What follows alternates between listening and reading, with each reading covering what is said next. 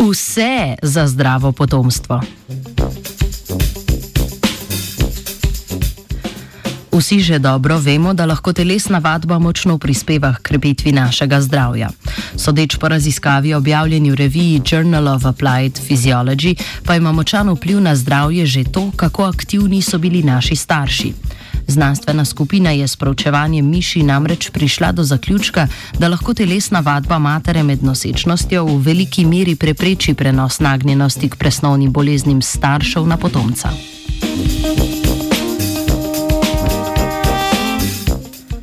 Prenos nagnjenosti k mnogim presnovnim boleznim staršev na potomca pogosto uravnavajo epigenetske spremembe DNK.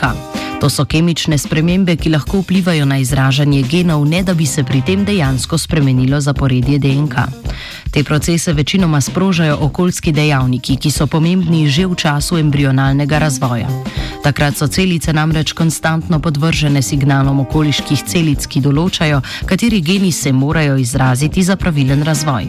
Raziskovalna skupina predvideva, da je ravno zato pomembna fizična aktivnost matere pred in med nosečnostjo.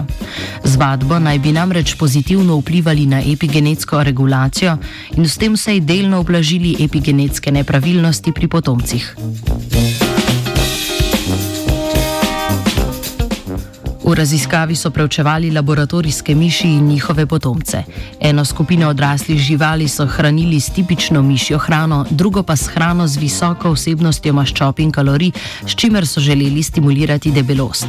Po parjenju so skupini miši z visokokalorično prehrano med brejostjo ponudili kolo, na katerem so lahko tekle.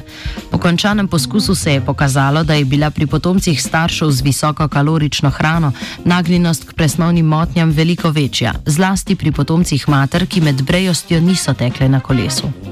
Pri teh se je pokazala večja verjetnost, da bodo v odrasli dobi imele povišan krvni sladkor in druge presnovne težave.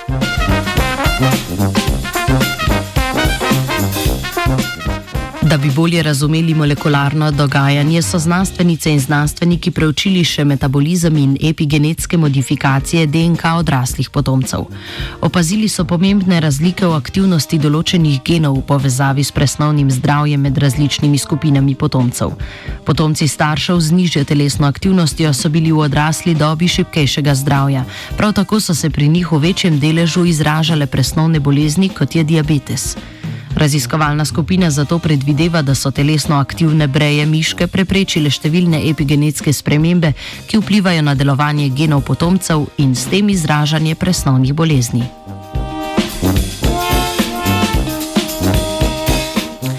Glede na izvedeno raziskavo, lahko telesna vadba miške močno pripomore tudi k zdravju potomca.